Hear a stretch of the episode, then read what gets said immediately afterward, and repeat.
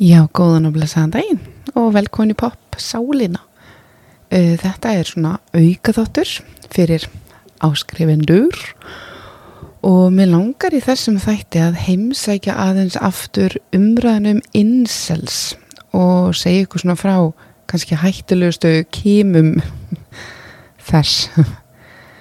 En popsálin, eða ég allavega, Elva, tók viðtal við Arnór Stein Bladamann en hann hafði eitt ótalmörgum tímum í að rýna í samræður manna inn á svona svo kallum incels spjall að þráðum og eina sem ég get sagt er Guðminn góður vippin þarna inni og ég finn bara svolítið til með Arnóri fyrir að hafa þurft að eigða dágum tíma þarna að skoða þetta.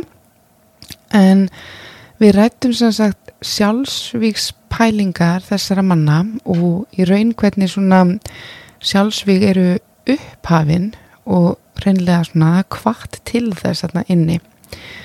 En fyrst er kvart til þess sem að þeir kalla GO-IR eða herma eftir Elliot Rodgers.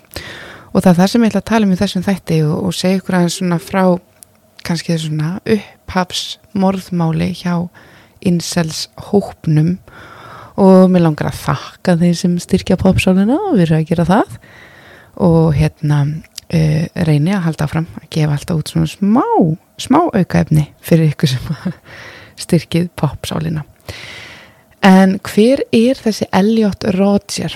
Elliot fættist sem sagt uh, 24. júli árið 91 í London og fadur hans er frekar þekktur kvikmyndaframleðandi. Hann heiti Peter Rodger en hann er þekktastu fyrir heimildamyndina Oh My God sem kom út árið 2009. Einni vann hann við The Hunger Games myndinar. Og móðir Elliot er rannsóknarkona frá Malasíu og heiti Lee Jane Rodger og fjölskyldan sem sagt uh, flytur hérna til Los, An Los Angeles Los Angeles á einhverjum tímanbúndi en fóreldra Elliot skilja síðan og fadir hann skiptist eh, einhverju leikonu, ég þekktir endur ekki nafnið. Og frá uh, bara ungum aldri þá var Elliot að glíma við alls konar uh, svona geð vandamál og ímislegt var prófað, hann fekk alls konar meðferð, hann var í sálfræði meðferðum og hann fekk liv og, og það var bara ímislegt gert en hann var í einhvers konar móðþróa síðan á úlningsárum og hætti að taka lifin sín sem hann hefði kannski betur átt að gera áfram.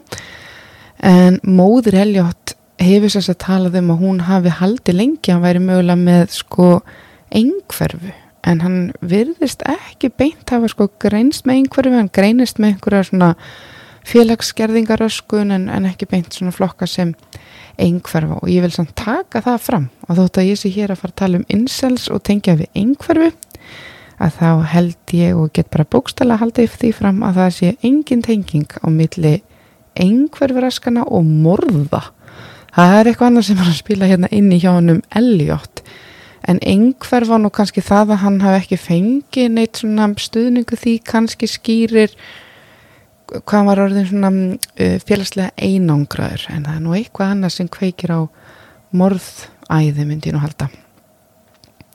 En Elliot sem sagt lendi miklu eineldi í skóla. Hann eignaðist eiginlega aldrei beint einhverju svona vini en hann sagði þó stundum að, að, að þegar einhver síðan reyndi að vingast við hann að það tók hann því mjög illa. Þannig að hann einhvern veginn ítti líka fólki frá sér og eftir mikla innveru það ákvað hann að stopna YouTube uh, svona account og byrjaði á saman tíma að blogga og þar var hann bara svona að segja frá sinni líðan, tala um sína vanlíðan og einmannaleika og bara þessari höfnur sem hann var að upplifa í skólanum.